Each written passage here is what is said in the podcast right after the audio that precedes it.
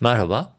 BIST dün gün içerisinde 4500 seviyesi üzerine hareketin ardından satış baskısı altındaydı. Kapanış 4425 seviyesinde gerçekleşti. BIST'te önemli destek bölgesi olarak değerlendirdiğimiz 4404-4310 bandı tekrar test ediliyor.